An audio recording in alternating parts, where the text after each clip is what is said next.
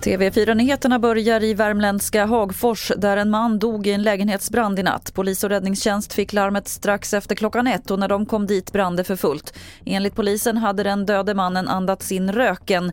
Det finns inga misstankar om att något brott skulle ligga bakom branden. Behovet av blodgivare ökar nu inför jul och nyår enligt regionsamarbetet Ge blod.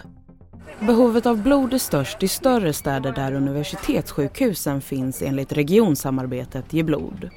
Och i ett pressmeddelande säger Ingrid Johansson vid Ge blod att man behöver mycket blod inför jul och nyår eftersom färre blodgivare ger blod under högtider och ledigheter. I genomsnitt behövs en blodpåse i minuten året om inom svensk sjukvård och eftersom blod enbart kan lagras i sex veckor är det viktigt att lagren fylls på inför ledigheter och långhelger. Reporter här var Annie Melbert. Till sist kan vi berätta att tre svenska fartyg nu har anslutit till den finska marinens övning Freezing Winds i Östersjön som de har tillsammans med Nato.